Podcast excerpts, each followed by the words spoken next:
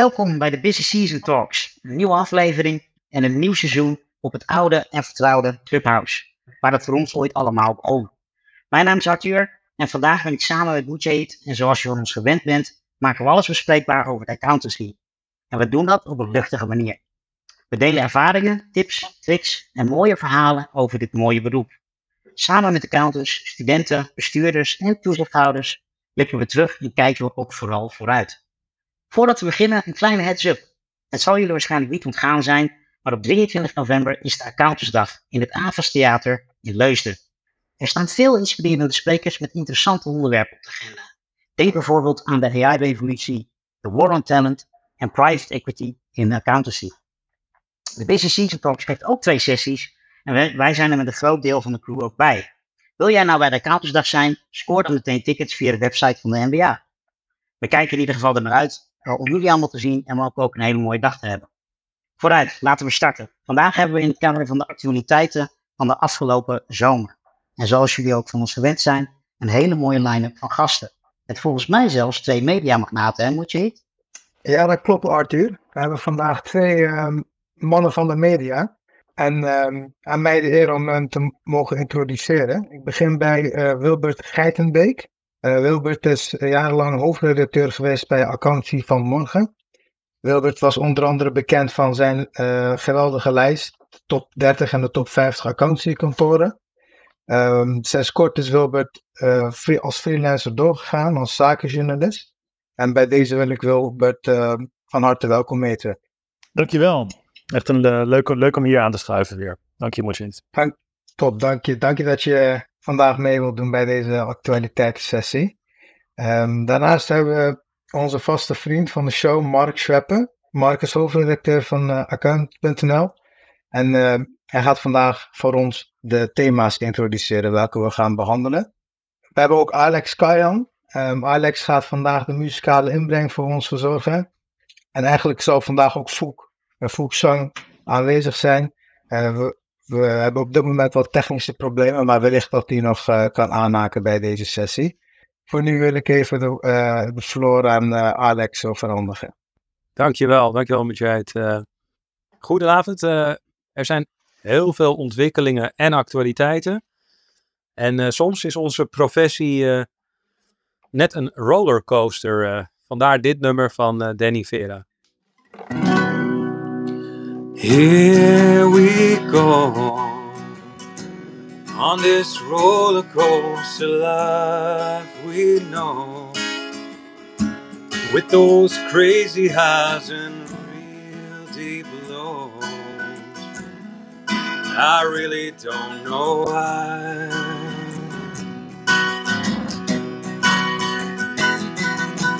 I will go to the farthest place on earth I know.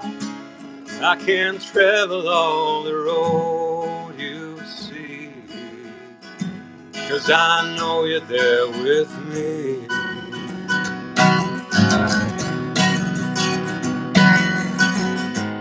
You don't have to slow me down. Cause I'll always be around.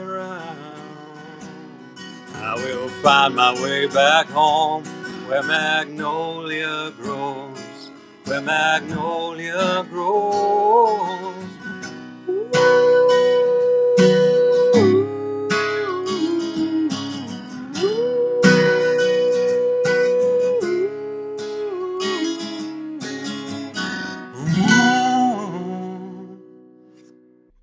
Wat cool. Dankjewel Alex. Weer met volle passie gezongen. Dankjewel. Ja, het is, uh, het is uh, ik denk echt uh, dat dit, dat zul je zo ook horen bij Mark en Wilbert. het is een, er gebeurt zoveel. Heel veel mooie dingen, wat minder prettige dingen. Maar het kan de pret niet drukken. En ik hoop dat we een hele mooie sessie hebben. Thanks. Zeker, dankjewel Alex. Nou, dan wil ik eigenlijk Mark uh, wil ik vragen of jij het eerste thema van vandaag kan introduceren. Ja, dat wil ik graag doen. Goedenavond allemaal. Fijn om weer uh, terug te zijn bij de Busy Season Talk. Hartstikke leuk. we hadden natuurlijk een groot thema deze zomer. dat was een wat minder gezellig thema. Dat had te maken met examenfraude. En het delen van antwoorden van toetsingen en zo. Maar daar gaan we het nog een keer apart over hebben in de Busy Season Talks, begreep ik. Dus dat laten we voor nu even liggen. Ehm, ik heb een paar andere thema's gekozen. Ik heb er vier en ik zou ze in blokjes doen. Ik hoop dat dat uh, lukt in deze uitzending. De eerste is uh, de consolidatieslag die er uh, gemaakt wordt in de sector. En met name in de, in de middelgrote kantoren, zo lijkt het. En daar speelt private equity vaak een rol. Um, een paar opvallende waren natuurlijk deze zomer. Je had de jonge Laan, die, die nam pas nog Hollings uit Amsterdam over. Nou, die jonge Laan was vorig jaar zo ongeveer de eerste in Nederland die het met een private equity huis met Waterland. Um, nou, dan hebben we uh, kort geleden in september, dus deze maand, nog de Belgische investeerder, de PIA Group, gezien. Die maakte de overname bekend van het Noord-Brabantse ESJ en het Utrechtse Koester. En eerder namen ze ook al een Zwolskantoor over, Brouwers. En een van de mensen van Brouwers is inmiddels CEO van PIA Group Nederland. Nou, daar heeft de Wilbert een prachtig verhaal over geschreven. Ons op de site hoe dat allemaal zit. Um, nou, er zijn er meer uh, uh, fusie-nieuws uh, is er om te berichten. Uh, ook heel recent nog ALB, uh, van de Boom, Koenen en Co. en PKF Wallast samen. Nou, ook daar wordt de fusie aangejaagd door private equity. Dus je mag zeggen, het is echt ontdekt door, door private investeerders deze sector. En ze kloppen overal op de deur de oplossingen die verschillen. Uh, Wil heeft er twee verhalen over geschreven, vlak achter elkaar uh, op onze site. En daar zie je ook dat er, de, dat er verschillende koersen worden ge, ge, gelopen, zeg maar. Maar de argumenten voor inzet van private equity en ook voor die uh, fusies heeft wel vaak een beetje in dezelfde lijn. Hè. Schaalvergroting, investeringen in IT, investeringen in kennis, meer aantrekkingskracht op de arbeidsmarkt. Nou, ik ben heel benieuwd. Er zal ongetwijfeld meer komen. Ik ben benieuwd wat het ophoudt. Maar ik denk dat nu nog even duurt. Maar ook lezenswaardig vond ik uh, op onze site de column van Pieter de Kok. Die had het over een deconsolidatieslag over een aantal jaren. Want hij zegt, small is uiteindelijk toch ook beautiful. Dus ik geloof niet helemaal alleen maar in groter en groter. Nou, dat is het eerste thema. Kijk, dankjewel Mark. Ja, jij zegt het al, de accountancymarkt is echt ontdekt door de private investeerders. Je krijgt bijna het gevoel van de California Gold Rush uit de 19e eeuw. Um, Wilbert, jij bent ook heel erg in dit uh, onderwerp uh, ingedoken de afgelopen weken, maanden. Volgens mij heb jij ook interviews gedaan met um, de heren van de fusiepartij van HLB Witloks van de Bomen. Wat valt jou op in de diverse fusies? Ook de strategieën die daar mogelijk achter zitten? Ja, nee, het is, het is, het is, een, het is een hot topic. Uh, daar heb je helemaal gelijk in, Arthur, dat dit, dat dit nu gebeurt. Ik, ik zat ook voor mezelf in de voorbereiding even goed, goed op te sommen wanneer dit nou begonnen is. Het is echt nog maar een jaar geleden begonnen. Hè? september 2022 begon het met, uh, met, de eerste bekendmaking van Waterland dat in de Jonge Laan stapte. Toen, toen was het nog helemaal vers. En inmiddels zijn we dus al een overname of twaalf verder. Twaalf partijen die zich hebben aangesloten bij, uh, bij die private equity partijen. En vier daarvan uit, uit de top 50. dus dan hebben we echt een serie grote partijen. Die gebied te zeggen, er zijn ook nog een paar partijen die ook in die top 50 hadden moeten staan maar uh, die buiten ons zicht zijn gebleven destijds. Uh, komende tijd zullen die er wel in komen. Ik, uh, ik, zie, ik zie er heel veel en ik zie ook duidelijke verschillen. ik heb Ewout Brouwers vorige week geïnterviewd. Die is CEO van Pia Groep. Die was tot vorig jaar de zoon van de oprichter Brouwers, een kantoor in Zwolle. En dat is dus zo'n middelgroot kantoor. Die, um, die hebben nu een heel model waarbij, waarbij een Belgische investeerder, Baltis, is ingestapt en in Nederland een eigen groep vormt. Pia Groep heet dat. En dat, dat is weliswaar een label, maar daaronder blijven kantoren gewoon intact. Dus als je daarbij aansluit als kantoor, dan, dan um, dat betekent dat je gewoon je, je, je, je merknaam behouden blijft, de organisatie grotendeels intact blijft, je blijft je eigen klanten benaderen. En zo, zo hoopt Pia Groep te groeien, kralen te reis. Uh, dat is weer een ander model dan Waterland toepast, want die voegen kantoren toe aan de Jonge Laan. En het is de bedoeling dat de Jonge Laan groter wordt. Uh, door gewoon veel meer kantoren bij zich te laten aansluiten. Um, dus dat is bijvoorbeeld één, zo'n verschil. Wat je, wat je heel sterk merkt in, in de ontwikkelingen die private equity te bieden heeft.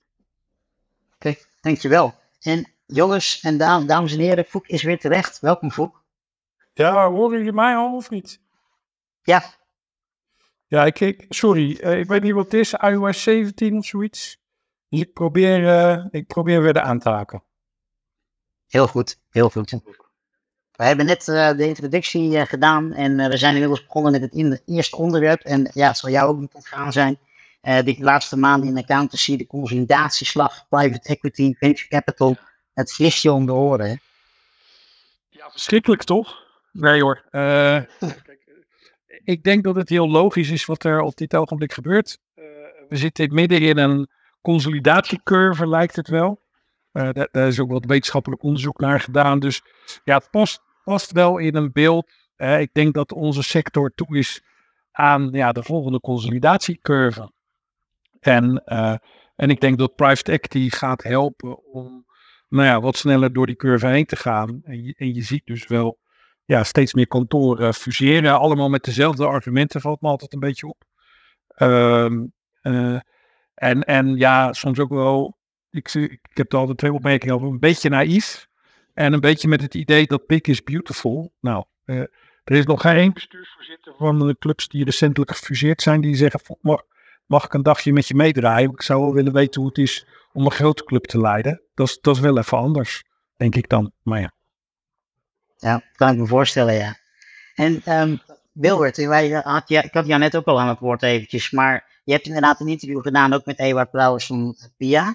Ehm, daarbij wordt ook het private equity, het partnermodel, eh steekt natuurlijk eh, weer de kop op. Met een uitspraak van hem, ehm, nou ja, dat dat ook weer ter discussie staat. Maar wat zie jij in de fusiepartijen en wat het ook betekent voor de fanhoud? Ja, dat is leuk. Dat is, er is- er is best wel wat keuze, viel mij op. Ik dacht, dacht aanvankelijk toen ik, toen ik hier nog niet zo ingedoken was dat partners laten zich uitkopen. Eh, er komt een private equity partij binnen, ze krijgen een sloot geld aan het begin. En eh, vervolgens gaat de private equity eh, partij gaat heer en meester worden binnen bepaalde afspraken die je natuurlijk van tevoren maakt. Ze mogen niet alles. De AFM kijkt ook mee. Eh, maar ze zullen vast een eh, stempel willen, willen drukken op, de koers van, eh, van, van het bedrijf. Maar wat er na die eerste uitkoop gebeurt, want ik denk dat dat wel een soort constant is, dat vermoed ik. dat, dat, dat de meeste partners op het moment dat, dat een private equity partij instapt, een cash moment hebben. Ehm, het zal niet uitsluitend voor 100% zijn. Er zullen er ongetwijfeld individuele afspraken zijn waarbij sommige partners nog niet direct enorm rijk worden. En hoe rijk iedereen wordt is ook niet duidelijk, want die bedragen worden niet bekendgemaakt. Maar wat daarna gebeurt, in de fase daarna is interessant. Want er zijn dus partijen die zeggen, we laten het jaardividend in stand. eh, want we willen eh, iedereen laten delen in het, eh, in het model. En partners kunnen dus gewoon hun dividend verwachten, zoals ze ook voorheen konden verwachten. Ehm, maar dat is niet het model van alle private equity partijen. Er zijn er ook die zeggen, die dividenden, die keren we, die laten we in het bedrijf zitten. En dat is waar jij naar verwijst met de uitspraak van Ewart Brouwers. Die zei zoiets als, ehm, het, eh, het partnermodel zoals we traditioneel kennen. Ja, eh, eigenlijk eh, laat het een beetje het failliet zien van, van, het, van de accountancy. Want wat doen partners in het algemeen, of ze nou van de Big Four zijn of van middelgrote kantoren, die halen alle winst uit het bedrijf, doen dat in eigen privé zakken en investeren het vervolgens in iets anders dan de accountancy. Vastgoed, aandelen, een pensioenpotje. En dat is heel gek, want de accountants weten het beste wat ze met geld zouden kunnen eh, om hun kantoor eh, groter te maken. Waarom stoppen die accountants dat niet in hun eigen kantoor? Dat lijkt me veel logischer. Dat is, dat is de kritische uitspraak die hij had. Die raakt natuurlijk wel een snaar bij sommige mensen. Dus dat, dat, is, eh, dat is een beetje het, het verschillende model. Ehm, en wat hij daar als oplossing dan voor heeft, is natuurlijk dat er uiteindelijk ehm, een, een soort moment komt waarop Pia Groep verkocht gaat worden op de lange termijn. Ehm, en dan zou dat het moment kunnen zijn waarop die partners alsnog een winst krijgen. Maar dan is het winst op basis van waardecreatie, niet winst op basis van het leegtrekken van het kantoor. Nou, dat zijn een beetje de twee verschillen die voor partners eh, gelden. En dat is best interessant om eens over na te denken. Ik ben ook benieuwd, want het is best een kritische uitspraak, hoe accountants er tegenaan kijken. Is het echt zo dat het partnermodel, ja, eh, eigenlijk alle interne motivatie om, om te investeren in accountantskantoren, eh, ja, dat het ontmoedigt? Dat, dat is een eh, interessante vraag. Maar Wilbert, misschien als ik even mag reageren. Kijk, als jij natuurlijk een deel van het bedrijf verkocht hebt, dan kan je wel zeggen, ik, ik keer nog steeds dividenden uit. Maar dat is natuurlijk wel minder. Hè? Als ik eerst, eh, als, eh, laten we zeggen, een kantoor heeft vier vennoten, maak het even heel simpel. Ehm, en dan krijg je normaal een kwart van de winst. Kijk, als je, als je nu de helft verkocht hebt, dan krijg je nog maar een kwart van de helft natuurlijk. Hè? Ehm, dus wat, wat, wat ik denk ik wel dat je zal zien, is dat het partnermodel, eh, hè, als het blijft bestaan, zal wel lichter worden. Hè, dus er, inderdaad, een deel van het geld eh, hè, wordt, eh, wordt gegeven bij de verkoop. Dat wil zeggen, als je de helft verkoopt, de helft. En de andere helft, daar ontvang je nog gewoon dividend over. Ja, Zo Ja, moet je het natuurlijk wel zien. Ja, ik snap het. Ik snap het zeker, ja. Nou, nou gaan die, eh, die modellen ook wel weer gepaard met, met het idee dat er een soort hockeycurve, eh, hockeystick curve van groei eh, eh, eh, eh, mee, mee gepaard gaat. Dus dat je, dat je uiteindelijk ook meer dividend zou kunnen verwachten naarmate zo'n zo'n partij kralen rijgt en, en nieuwe kantoren aan zich bindt. Eh, maar goed, daar komen ook weer nieuwe partners bij waarschijnlijk. Hè? Dat, dat Ja.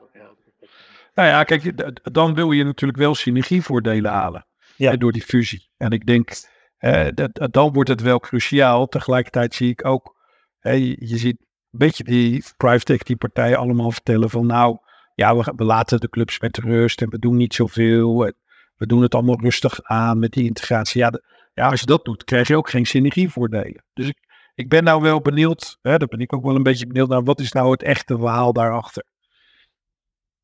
Private equity komt, hè, komt nooit zomaar alleen en komt niet om gezellig koffie met je te drinken. Daarvoor stappen ze niet in clubs.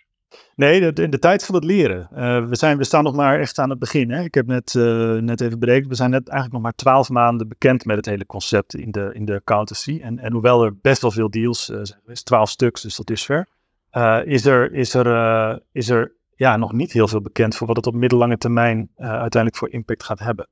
En die synergievoordelen, ja, die moeten blijken. Dat, dat is wel waar. Het, het fijne is wel van het model dat de meeste partijen een soort teller hebben lopen. Eh, eh, die hebben die hebben een investering gedaan en kijken dan vijf à zeven jaar vooruit. En, eh, en daarna moet die waardecreatie gerealiseerd zijn. En dat is het spannende moment, denk ik. Misschien dat we over drie jaar wat meer weten over wat dit in de praktijk gaat betekenen. Ja, ik heb, en daar wil ik echt nog wel even op aanhaken, Robert. Want ik hoor jou en ik hoor ook zeggen, synergievoordelen, dat zijn een van de argumenten die vaak eh, eh, samengaan met de consolidatieslag. Het verbeteren van kwaliteit, ehm, investeren in IT en dergelijke. Maar ik kan me ook zo voorstellen dat dat ook eh, zeker bepaalde negatieve gevolgen met zich mee gaat breng- brengen. Denk aan het vergroten van het kantoor, fusie van twee hele andere bedrijven. Eh, wat, wat gaat dat eigenlijk doen met, met de mensen die in dienst zijn? Of, of, of, de, de twee culturen van kantoren die totaal niet bij elkaar aansluiten? Hoe, kijken jullie eh, daar tegen, tegenaan? Ik ben wel benieuwd hoe, hoe eh, hierover, hoe, die hierover denkt eigenlijk. Ja, ik, ik denk dat dat altijd het meest ingewikkelde is.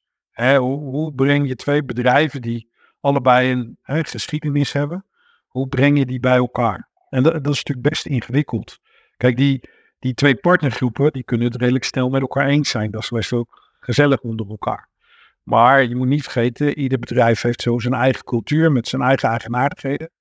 En hè, als je die bij elkaar wil brengen, dat is, dat is best een klus. Hè, weet ik uit ervaring. We hebben natuurlijk ook in het verleden de nodige overnames gedaan.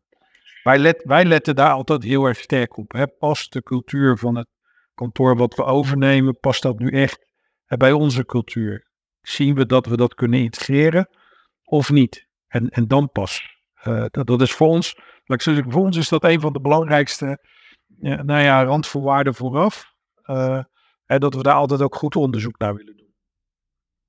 Ja, dit is de hamvraag, hè? want eh, eh, er is, eh, er is een, eh, in, in de sector wel bekend dat er, dat er een partij was die eh, onlangs is overgenomen door Flint. Eh, we hebben het over Akkel HVM. Die, die de afgelopen tien jaar best wel veel overnames heeft gedaan. Eh, maar als je de omzetontwikkeling bekijkt, dan zie je dat eh, elke overname eh, ook een groot deel omzetverlies heeft, heeft opgeleverd. het nieuwe kantoor plus het oude kantoor was niet een omzet van 1 plus 1. Ehm, want dan zou de omzet van Alcon AVM veel groter zijn geweest. Ehm, en en, en dat, dat betekent dus dat het best een uitdaging is in de praktijk om kantoren samen te voegen. Er komt bij overigens wat wel interessant is bij die private equity deals. Eh, dat raakt een beetje aan de laatste deal die bekend is gemaakt. HLB Witlocks van de Bomen, een groot Brabants kantoor, heeft eerder dit jaar al bekendgemaakt met Koenen, een Limburgs kantoor in zee te gaan. Eh, en heeft vorige week bekendgemaakt dat ook PKF Wallast daarbij komt. Dat zijn de nummers 26 en 27 die samengaan nu met de, nummers met de nummer 13. Eh, dat zijn eigenlijk drie middelgro- nou ja, middelgrote, forse partijen.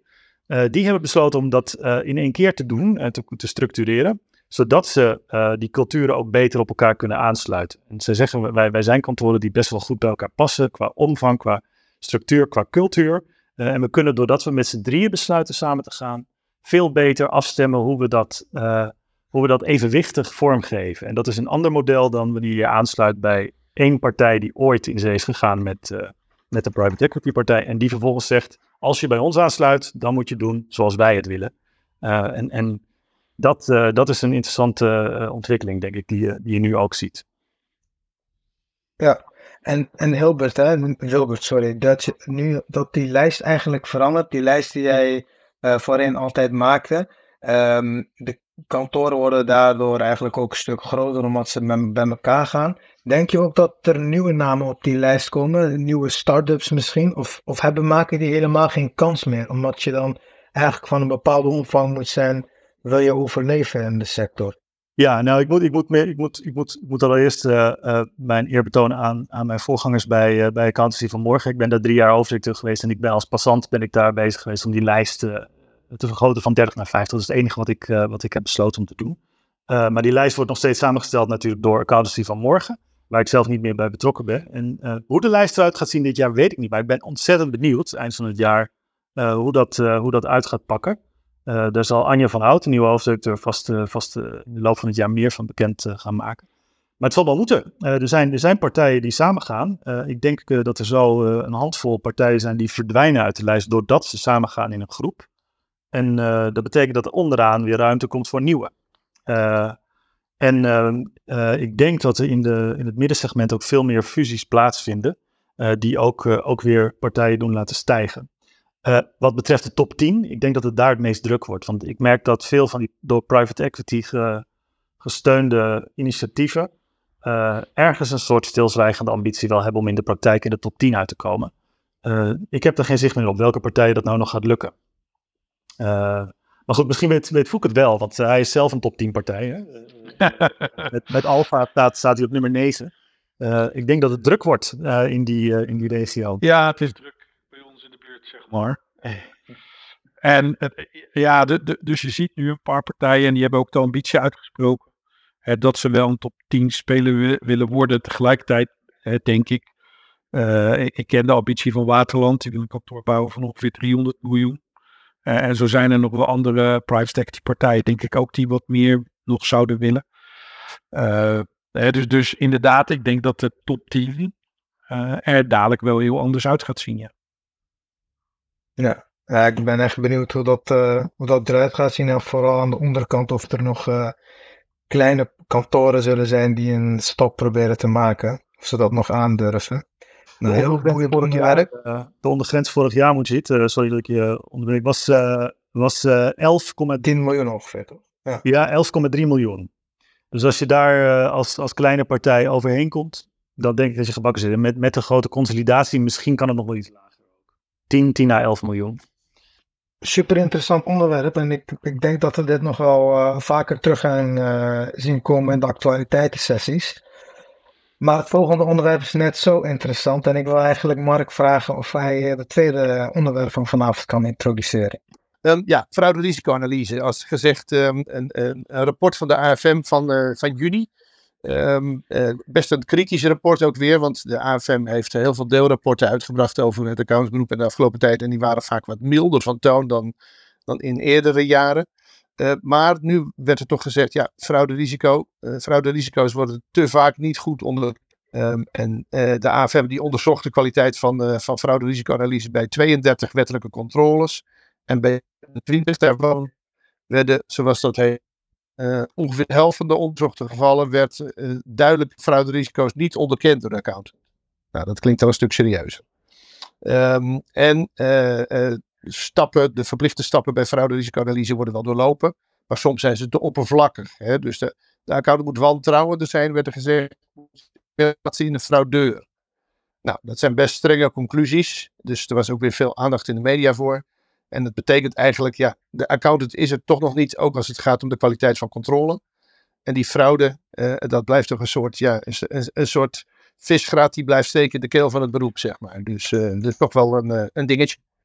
Nou, dat is het tweede thema. Ja, Ik, hoop, ik hoop dat het doorkwam, want de lijn die stuit het hier een beetje. Maar goed. Ja, we hebben hem wel een, voor een groot deel kunnen verstaan, denk ik, Mark. Dankjewel. En eh, al- als onze gasten daar nog behoefte aan hebben, kan ik nog wel dingen eh, aanstippen of introduceren. Ik wil eigenlijk beginnen bij Foek. Ehm Foek, zoals je hebt gehoord, ehm accountants zijn er nog niet. Eh, controle, kwaliteit, frauderisicoanalyse. Ehm ja, er worden nog steken eh, worden nog, eh, gelaten. Hoe, hoe, hoe, hoe kunnen we als accountants daar komen? Hoe kunnen we de AFM eigenlijk voldoende pleasen, zeg maar? Nou, ik heb dat rapport ook gelezen. Bij ons zijn ze ook geweest. Bij ons hadden natuurlijk ook opmerkingen. Ik heb daar best wel goed, een goede discussie ook met de AFM over gevoerd, vond ik. Vond dat ze daar ook, nou, ik vond dat best wel, nou, zo'n onderzoek is nooit prettig, maar het ging wel op een hele prettige manier, laat, eh, kan ik gewoon eh, zeggen. Kijk, en ik, ik denk wel een van de belangrijkste conclusies, Mark noemde het net ook wel. En met welke insteek ga je, hè, kijk je nou als accountant naar die fraude? En ik merk toch, hè, dat merk ik ook in mijn eigen organisatie, dat, dat accountants, kijk, wij kennen onze klanten zo goed, dat we hè, blijkbaar een soort kritisch vermogen missen om eh, eigenlijk heel goed na te denken van waar zou je fraude kunnen plaatsvinden. Hè, omdat we gelijk zeggen, ja, maar dat gebeurt hier niet, want ik ken die klanten heel erg lang, maar dat gebeurt ze nooit en ze zijn daar alert op. Nee, dat is niet de vraag. Hoe zou bij dit bedrijf, afstand nemen van dat bedrijf, hoe zou dat hier plaats kunnen vinden? En, en dat is denk ik een van de belangrijke conclusies hè, van, de, eh, van de AFM, dat we daar niet kritisch genoeg op zijn. En dat is, kijk, ik, ik snap dat is natuurlijk best wel lastig, want je komt vaak bij die klant, je spreekt hem vaak, je hebt een beeld bij die klant. En, en hoe ga je daar toch tegen in? Hè, en ik denk, de, ik denk toch ook dat hier wel weer de factor tijd speelt. Hè, van nemen we genoeg tijd, nemen we genoeg afstand, durven we kritisch te zijn, durven we onszelf te challengen van hè, waar zou het echt bij deze klant mis kunnen gaan. En dat, ja, dat, daardoor ook wel weer door die klant, nou ja, sorry dat ik het soms zeg, klantgezwichtheid of klant, te grote klantgerichtheid, zijn we dan toch niet kritisch genoeg. En ik denk dat het, dat het daar net de venijn zit. Dat, dat, je dat, dat we dat als beroep toch weinig doen. En dat is natuurlijk verschrikkelijk moeilijk, want we komen al zo, en we komen bij die klant. En nou ja, een van de dingen is natuurlijk dat we die, dat we die klant goed kennen. Dat is natuurlijk ook gewoon belangrijk om die relatie met die klant goed te hebben. Maar daar zit denk ik voor mij wel ergens de crux. Oké, ik, ik, dus ik hoor je zeggen we moeten kritischer zijn en je zegt wellicht dat, eh, het als, dat, ja, dat, dat tijd daar nog een kan bijdragen. Dus als we iets meer tijd zouden kunnen hebben, eh, wellicht dat dat eh, het proces kan verbeteren. Ehm, ik vraag me alleen Ja, af, is het en überhaupt wel mogelijk? Goed, goed reflectietijd. Hè? Ik, kan, ik, kan, ik kan morgen natuurlijk even tussen 2 en 3 over de frauderisico's bij klant X nadenken. Ja? En dan krijg ik nog twee telefoontjes van twee andere belangrijke klanten. Nou, en dan is dat uurtje zo weer voorbij. En dan neem ik nou echt de tijd. Je zou kunnen zeggen kwaliteit, maar dan, met een lange ei. Neem ik echt goede tijd om daar, ook met mijn team, goed over na te denken. En ja, dat is denk ik wel, dat, dat, daar zit volgens mij een van de essenties. En dan zijn we natuurlijk gelijk weer bang dat het allemaal te duur wordt voor die klant, et cetera. Maar daar zit wel de essentie. Durf ik boven mijn klant te gaan staan? Durf ik daar kritisch over na te denken? Misschien gaat het ook wel helpen als ik toch, ja, toch even vreemde mensen op het dossier toelaat. Om ook, ook in zo'n sessie kritisch te zijn op onszelf. Ja, dat, ja, dat is denk ik wel een van de essenties die ik in ieder geval uit dat rapport gelezen heb. Oké, dankjewel. En, en Wilbert, ehm, hoe, denk jij hierover? Wat denk jij dat accountants beter kunnen doen eh, met betrekking tot dit onderwerp? Nou, kijk, ik vind het onderwerp leuk, want voor, voor mij is dit waar ik natuurlijk als ik een controleverslag lees, is een paragraafje wat ik altijd interessant vind om na te pluizen. Eh, zeker bij bedrijven waar bijvoorbeeld iets naar boven is gekomen. Eh, het afgelopen jaar was het natuurlijk wel een leuke casus, de, de Jumbo-casus, om een voorbeeld te noemen. Daarvan weet je, eh, dat, dat ergens eind vorig jaar eh, bekend is geworden dat, dat Topman van Eert, eh, Frits van Eert, dat hij dat onder het vizier van, de, van het OM in de field lag. En dat betekent dus jaarverslag 2022. Daar gaat iets in de, de fraudeparagraaf staan. Dat is, dat is, dat is linea recta het geval. Dus ik vind het leuk om, om, om, om in ieder geval zo'n paragraaf verplicht te zien bij, bij, bij grote bedrijven beursgenoteerde fondsen. Ehm, en tegelijkertijd, ja, ik, moet zeggen, de meeste teksten zijn wel redelijk hetzelfde. Dus ik, eh, ik, vind het, ehm, ik vind het nog best ingewikkeld om er echt bruikbare informatie uit te halen. Ehm, eh, en ik zou het leuk vinden als, eh, als daar meer van, van naar boven komt. Dat is één ding wat ik wel eens hoor als ik spreek met accountants hierover. Ik denk dat veel accountants ergens dit het hart van hun vak vinden. de controle. En dan ben je toch natuurlijk ja, scherp op het moment dat je dingen vindt die signalen zijn waar je wat mee moet. Ik, ik, ik zou het zelf, als ik ooit een studie zou kiezen, zou ik dit het mooiste vinden om mee te maken. Gewoon een keer een keihard fraudegeval. Het lijkt me fantastisch. Spannend, heel veel gedoe. Uh, maar dit lijkt me het meest, uh, het meest mooie van, uh, van het vak wat je, wat je kunt meemaken. En mijn ervaring ja. is met accountants ook dat, dat, er een, ja, dat er altijd wel verhalen zijn die accountants hebben van, van, van ervaring die ze met klanten hebben gehad die in die richting wijzen. Eens, eens. Nee, ook in de collegebanken, als je zeg maar een, een college auditing volgt, dan wil je het liefst van je docent horen dat hij uh, een fraudecasus heeft ontdekt of dat hij uh, een moeilijk dossier had waar hij uh, fraudevermoedens had. Dat zijn de dingen die je wil horen als student.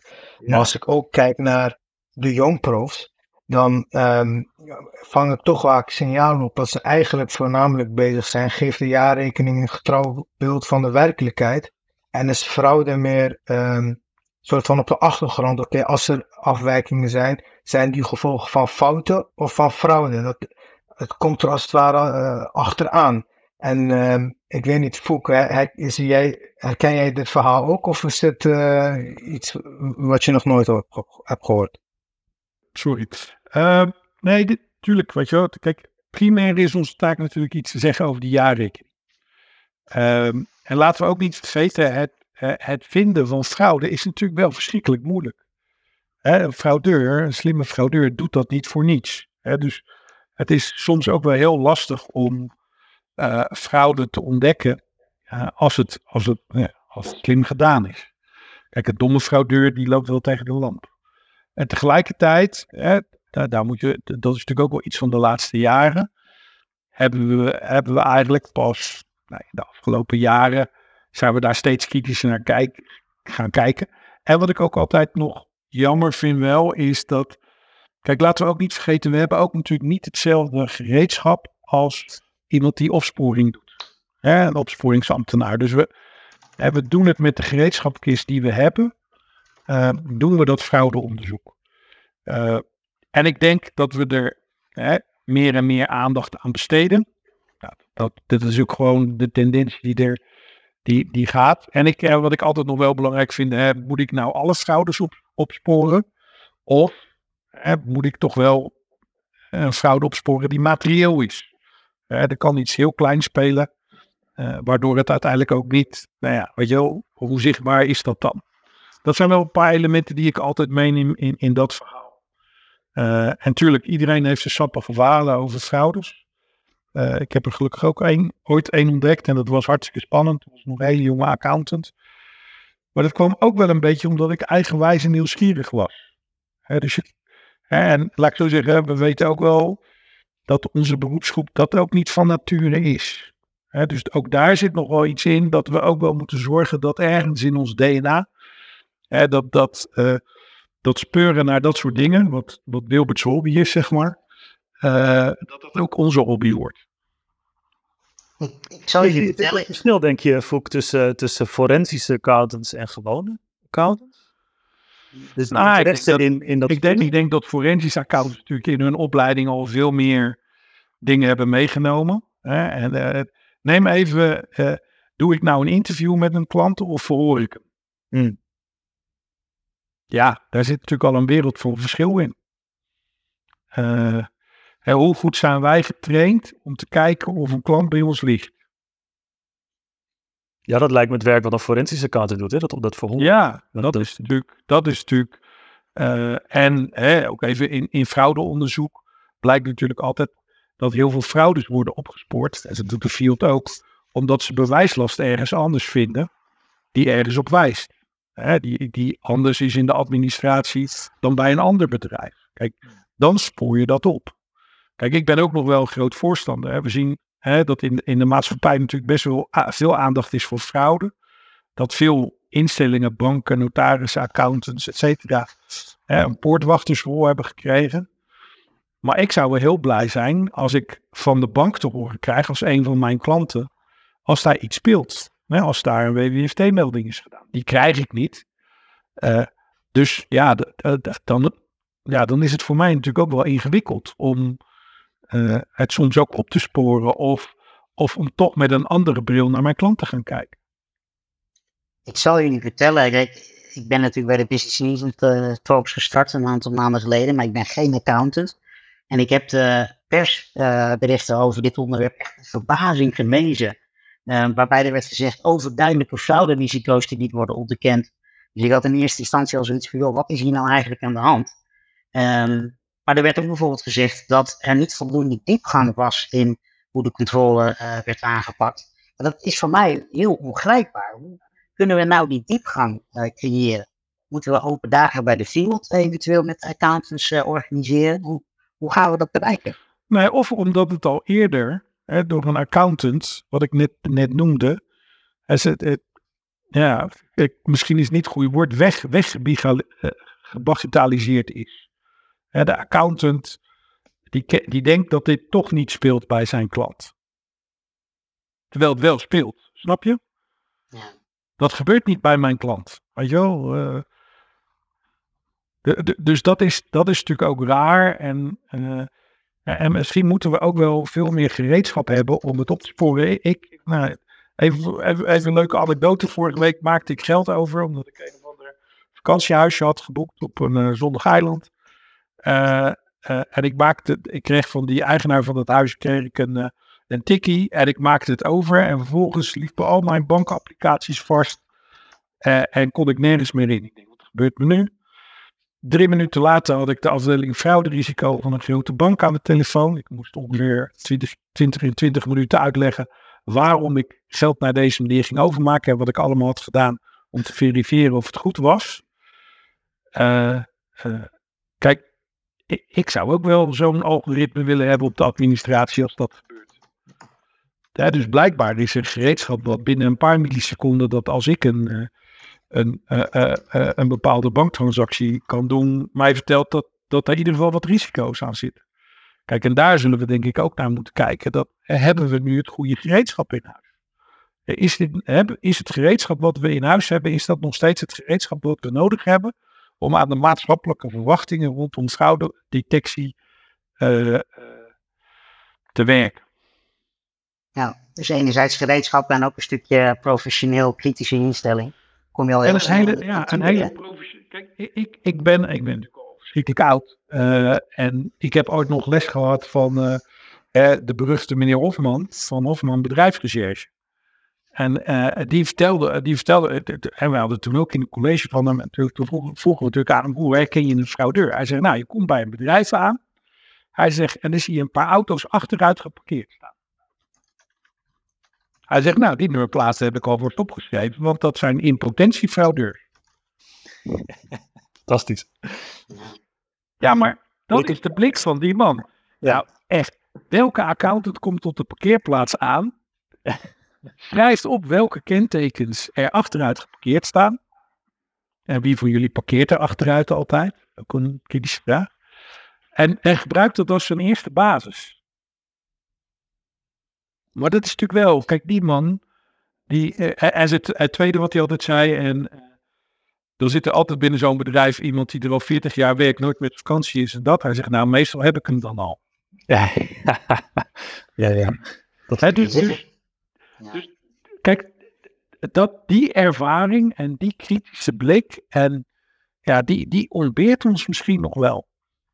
Je zit er weer verborgen vol mooie anekdotes, Soep, denk je wel.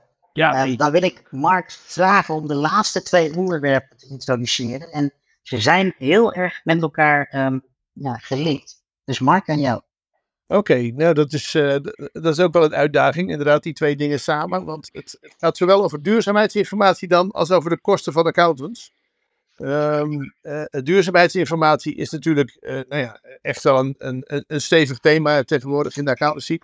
Ehm, vanaf januari 2024 moeten grote beursfondsen in Europa gaan rapporteren volgens de, de CSRD eh, duurzaamheidsrichtlijn. Hè, dus over, over hun duurzaamheidsprestaties. Nou, we zijn in Nederland nu druk met een implementatiewet daarvoor. ehm, om die richtlijn hier te laten werken. Die is nog niet helemaal klaar. Maar goed, een van de vragen die daarbij speelt is van, eh, moet alleen de accountant, eh eh, zou maar zeggen, die duurzaamheidsinformatie eh, van een, van een assurance voorzien? Ehm, hè, want er, zijn ook, er is ook de mogelijkheid in die Europese wetgeving om een andere independent assurance service provider de, de, daarvoor mogelijkheid te geven. Nou, daar wordt van alles over gezegd. De MBA zegt van eh, waarschuw, eh, die waarschuwt voor de kwaliteit van, eh, van het, het werk. En die zegt dus van ja, als je andere deskundigen en accounts gaat inzetten, ben je daar misschien wat minder zeker over. Nou, Marcel Pfeiffer zegt in een column van nou ja, hier moet de commissie niet weer de overhand krijgen. Het gaat niet om compliance, het gaat niet over afvinken van checklist. Het gaat over daadwerkelijk goed, goede duurzaamheidsinformatie. Nou, ehm, de sector heeft, de accountancy heeft al de nodige capaciteitsproblemen, mag je zeggen. Ehm, nu komt er al die duurzaamheidswerkzaamheden nog bij. Hoe gaat dat straks werken en wat is dus wijsheid? Nou ja, en ondertussen lees je inderdaad, de accountant wordt ook nog duurder en duurder. eh, met name door die krappe arbeidsmarkt, hè, omdat je de mensen bijna niet kunt vinden. En dus wil je ze vasthouden, ga je ze goed betalen. Nou, in augustus kwam I- Mark, je valt even weg. Val ik weg? Ja, nu ben je weer eh, weggevallen. Volgens mij wilde hij zeggen, kwam ING met het onderzoek. Ja, precies. Dat, eh, dat, idee had ik ook. Maar goed, hij heeft wel het grootste deel eh, van, de, van de laatste onderwerpen ook al eigenlijk aangedragen. Dat ING met het onderzoek kwam en dat eigenlijk geen gebrek is aan opdrachten voor accountants, maar wel een tekort aan accountants. En dat dat de kosten van uh, accountancy-gerelateerde werkzaamheden doet opdrijven. Um, dat is eigenlijk de strekking van het vierde thema. Omwille van de tijd hebben we thema 3 en 4 even met elkaar gecombineerd. En uh, ik wil eigenlijk uh, met de eerste vraag aftrappen bij Wilbert. Um, mijn vraag zit eigenlijk toe op de duurzaamheidsinformatie. Uh, we hebben net te horen gekregen dat Marcel Vijver onder andere aandraagt dat wellicht andere service providers ook de niet-financiële informatie met assurance, assurance daarop kunnen afgeven. Um, jij als gebruiker van jaarrekeningen of als gebruiker van uh, verslagen met uh, uh, niet-financiële informatie, maakt het voor jou iets uit of daar assurance bij is afgegeven door een accountant of door een ander service provider? Wat, wat is jouw gevoel daarbij? Ja, ik vind het een interessante ontwikkeling, want het, het verbreedt de markt eigenlijk. En tegelijkertijd maakt het de markt ook wat vager. Uh, en je merkt, zoals we net al een hele discussie hadden over het verschil tussen hoe forensische accountants uh, uh, een, een, bepaalde vraagstuk benaderen en, en accountants dat doen, zal ik vermoeden dat dat bij, bij de verschillen tussen deze bureaus, die niet uit de accountancy afkomstig zijn, en toch een beetje het werk van een accountant aanpakken, um, met, met accountantskantoren best wel groot zijn. En ik ben wel benieuwd hoe dat in de praktijk gaat uitpakken.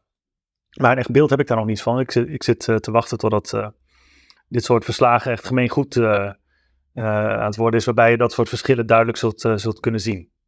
Oké, okay, dus als ik, als ik jou een beetje zo aanhoor, dan zeg je dat het op zich eigenlijk niet heel veel uitmaakt. Wie de, de, de zekerheid op die verslagen heeft afgegeven. vat ik dat goed samen? Ja, ik denk dat de tijd het zal leren. Ik ben heel benieuwd wat Foek, wat Foek hierover te zeggen, want hij is natuurlijk ja. specialist op dit gebied. Uh, en uh, ik, ben, uh, ik ben benieuwd of hij, of hij zo enthousiast is over die concurrentie uit een totaal andere hoek. Ja, zal ik, zal ik, zal ik dat maar Zeker, zeker. Ja, we moeten het eigenlijk vast wel of goed Ja, ja, nee, maakt niet uit. Ja. Maakt uh, kijk, ik, kijk ik, ik, ik vind hem ingewikkeld. Kijk, ik denk dat we als accountsberoep, en daar moeten we gewoon eerlijk over zijn, weet je wel, er ligt een enorme uitdaging voor ons. En met duurzaamheidsinformatie. En ik zie nu alle kantoren hè, hard hun mensen opleiden, et cetera. Uh, maar hè, dat wordt best een hele grote uitdaging. Ik zit in de, eh, in de eh ESG-stuurgroep van de, van de MBA. En nou daar, daar, moeten we met elkaar proberen die uitdagingen te tackelen. Wat wel lastig is, kijk, en dat is ook vanuit gezien vanuit de wetgever. Kijk, het accountsberoep is natuurlijk een gereguleerd beroep met, eh, met toezicht door de AFM, eh, met eh, allerlei regels. Nou, dat onszelf niet uit te leggen. Ehm, en nou komen er nieuwe spelers op die markt die niet gereguleerd zijn, die geen toezicht hebben, die dat allemaal niet hebben. Dus dat is ook voor de, voor de wetgever best wel ingewikkeld. Hè?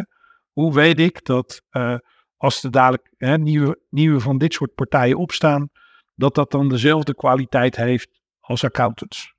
Tegelijkertijd hè, denk ik wel, en daar, daar ontkomen we niet aan, dat er veel meer samengewerkt moet worden tussen hè, mensen die verstand hebben van CO2, die verstand hebben van arbeidsrelaties in, eh, in, in verre landen, die verstand hebben van allerlei andere ESG-informatie en accountants. Kijk, wij zijn de specialist op het gebied van audit. En hè, je, hebt, je hebt dit soort specialisten nodig. Uh, nou, ik, heb, ik heb zelf van de week ook uh, commentaar gegeven op, uh, op het verhaal van Marcel op LinkedIn.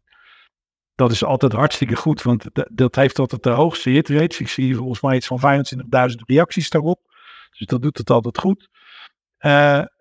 maar ik, ik, ik vind dat Hè, ik vind dat Marcel, ik, had eigenlijk, ik heb eigenlijk twee commentaren. Eén is dus van, ja, wie gaat het dan wel doen? Hè, als, als accountants niet gaan doen, wie gaat het dan wel doen? En is dat dan ook gereguleerd en is dat ook goed? Uh, en ik zie echt heel veel samenwerking meer tussen dat soort partijen en accountskantoren. Die vind ik ook gewoon heel erg belangrijk. Tweede uh, is mijn commentaar ook wel een beetje naar het accountancy-onderwijs. Ja, die lopen ook wel wat dit onderwerp betreft wel erg achterop. En dan gaat iedereen natuurlijk gelijk weer roepen, ja, maar de CA dit en de CA dat. Kijk, Marcel schrijft ook ergens in een stuk, ja, er is nu wetgeving uit en dus gaat het onderwijs zich daarop richten.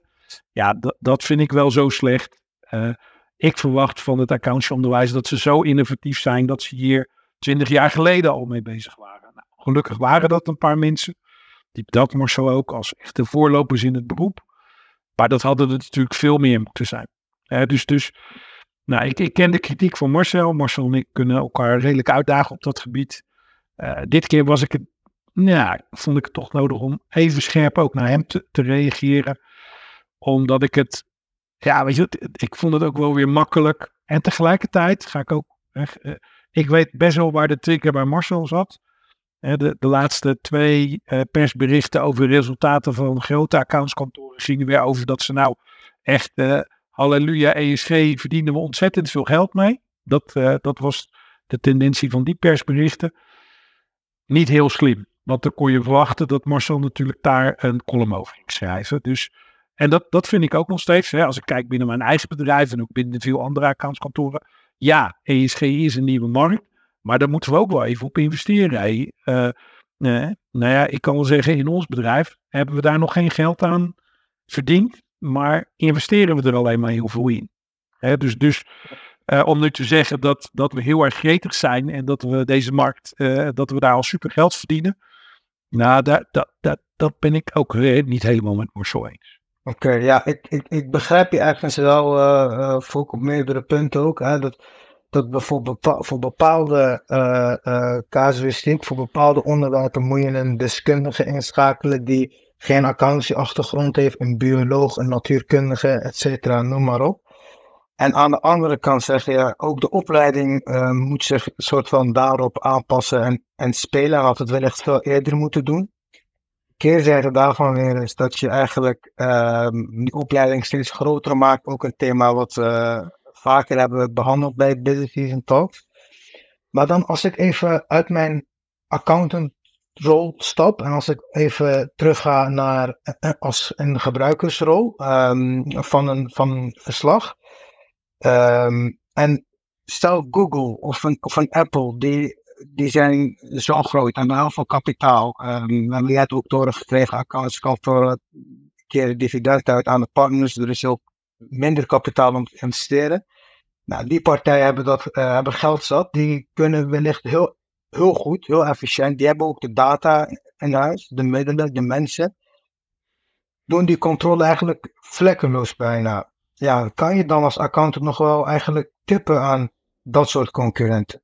Als, dus ook wel eigenlijk een vraag die we onszelf moeten afstellen. Of, of hoe, ja, ben je het met me eens of hoe kijk je hier tegenaan?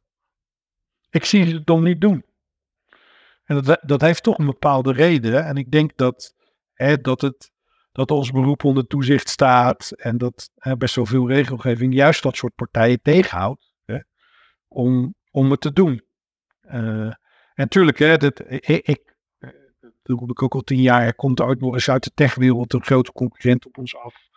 Uh, hè, die, die ons daarin gaat, ga, gaat aanvallen. Alleen ja, ik moet ook eerlijk zeggen, ik roep het al misschien wel 15 jaar. Het begint een beetje dooddoen, want, want het gebeurt maar niet. En, en wat is dat dan? En ik denk toch dat dat is, ja, dat, dat, ja, dat men dan toch bang is dat, dat de wetgever hun niet ziet staan direct. Hè? En, en ik denk dat daar de essentie zit uh, van het verhaal. Kijk, en, en er zijn natuurlijk zat andere bedrijven die ook iets aan audit doen. Maar ik merk ook wel, hè, ik spreek dit soort bureaus natuurlijk ook wel eens die uh, dit soort werkzaamheden doen.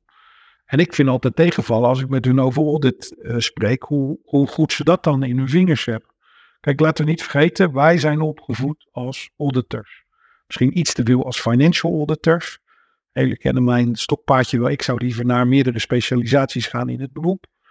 Uh, maar ja, wij zijn toch de specialisten op het audit. En ik denk dat toch, dat toch het meeste vertrouwen heeft, ook van, van de gebruiker van de jaarrekening. Ja, en ook in de toekomst het vertrouwen wat zij denk ik in de accountants moeten hebben bij duurzaamheidsrapportages. Um, en ja, om even over te pakken naar het volgende onderwerp, de accountantskosten die gaan omhoog. Maar goed, jij geeft net ook al heel terecht aan, op dit moment op dit onderwerp gaan onze kosten eigenlijk alleen omhoog. En je zegt dan wel heel subtiel dat dat uh, ook investeringen zijn. Um, maar goed, in, in het nieuws zie je vaak dat accountants toch duurder worden. En ik ben in tegenstelling tot de accountants hier in uh, dit gemeenschap wat minder van de cijfertjes dan jullie. Maar ik ben ook wel eventjes de cijfers ingedoken van de afgelopen anderhalf, twee jaar. Waarbij kennelijk de accountantskosten in die tijd zo'n 9% duurder zijn geworden. Maar waarbij de inflatie 16% omhoog is gegaan. Uh, terwijl uh, de lonen en de salarissen ontwikkeld zijn met 11% in de plus. Dus eigenlijk zou je ook wel ergens kunnen zeggen dat we onze huid misschien niet duur verkocht hebben. Of zeg ik iets heel raars? Wat was het eerste getal ook weer wat je noemde? Je zei uh, 11% inflatie, of 9% loonsverhoging, 16% inflatie en wat dan? De prijzen die zijn met 9% gestegen, de inflatie is met 16% gestegen en de lonen en salarissen zijn met 11% gestegen in de laatste anderhalf jaar. Daar hoef, je, daar hoef je geen econoom voor te zijn, dat die, dan hebben we toch nog niet goed genoeg gedaan, zou ik zeggen. Kijk, maar de, laten we ook zeggen, de accountant is altijd te duur. Weet je wel, ik vind, uh, ik vind ook, uh, er zijn ook zat dingen die ik gewoon altijd pertinent te duur vind. En een van de dingen die altijd te duur is, dat is altijd de accountant. Ik denk wel hè, dat met, hè, we hebben, kijk eens even naar de onderwerpen die we behandeld hebben. Frauderisico, wat we nog veel beter moeten doen. Uh, ESG waar we op moeten investeren. heel veel andere dingen die spelen in ons beroep ik zie wel dat natuurlijk hè, met, met al dat soort dingen, de budgetten die wij nodig hebben bij klanten om ons werk gewoon goed te doen, ja, wel significant omhoog gaan. Uh, ja, daar is niks anders. En de, deels is dat nou, we proberen ook personeel aan te, houden. Dus hè, de, de arbeidsmarkt is niet makkelijk. Dus dat, is een deel wat we natuurlijk gewoon invullen. En anderzijds, uh, uh, andere belangrijke, is, is gewoon dat we met, met alle nieuwe dingen die we erbij moeten doen, ja, de budgetten bij klanten gewoon, gewoon toenemen. Ja. ja, het is eigenlijk ook ergens wel een logisch gevolg. Als je mensen nodig hebt, die mensen zijn er niet, die uh, moet je binnenhalen, opleiding uh, wordt duurder. Dus ergens is het uh, doorbelasten van die kosten ook wel logisch. Um, Wilbert, wil jij uh, nog iets kwijt met betrekking tot het uh, thema duurzaamheidsinformatie slash accountants worden duurder? We naderen ook langzaam het einde van de sessie. Dus uh, ik was toch wel benieuwd of jij iets wilde delen met ons met betrekking tot deze onderwerpen. is dat wat je van me vraagt eh, om een slotwoord eh, eh, te uiten? eh, Ja, slotwoord slash, slash eh, een laatste inzicht of een meegevertje. Ja, precies. Nou, wat ik, wat ik, wat ik vermoed is dat die, die kostenverhoging misschien ook net wat vertragend werkt nog. Dus ik, ik weet niet hoe, hoe de onderliggende cijfers van ING hier zijn. eh, en, en het feit dat ze dus met 9% groeien tegen 11% loonsverhoging en 16% inflatie. Betekent dat, dat ik vermoed dat die, eh, die, die, die, die tariefstijging in de accountancy komend jaar ook nog wel groot zal zijn. En dat, dat het waarschijnlijk nog doorgerekend gaat worden. Ehm, eh, ja, wat ik, eh, wat ik verder wil zeggen, het is, het is leuk om denk ik te constateren dat de onderwerpen die we hier hebben besproken deze avond, private equity, eh, ehm, de, de CSD-richtlijn, deze, de, de, de schaarste, deze thema's die komen ook op de accountantsdag langs. Ik vind het nog heel erg leuk om even kort te pitchen, dat ik zelf een, een, een sessie over private equity ga modereren op de accountantsdag. Dus wie daar meer van wil weten is natuurlijk van harte welkom en ik zou zeggen koop kaartjes. Eh, als ik deze onbeschaamde reclame mag doen, dan eh, doe ik dat bij deze. Ja, wij hebben dat ook al in de introductie aangegeven, dus dat, eh, dan, dat mag. Dankjewel uh, Wilbert voor je, eh, voor je inbreng. Ik wil onze gasten bedanken. eh Foek, Mark, Alex voor de muzikale inbreng. Eh, bedankt. Ehm, Arthur, eerste sessie. Eh, hoe vond je het? Stunt en vliegwerk. Goed om te horen. Dankjewel. Jij ook bedankt. was een fijne samenwerking. Dan wens ik nog iedereen eh, een fijne avond en eh, tot de volgende keer. Fijne avond. Dankjewel. Tot ziens. Tot ziens.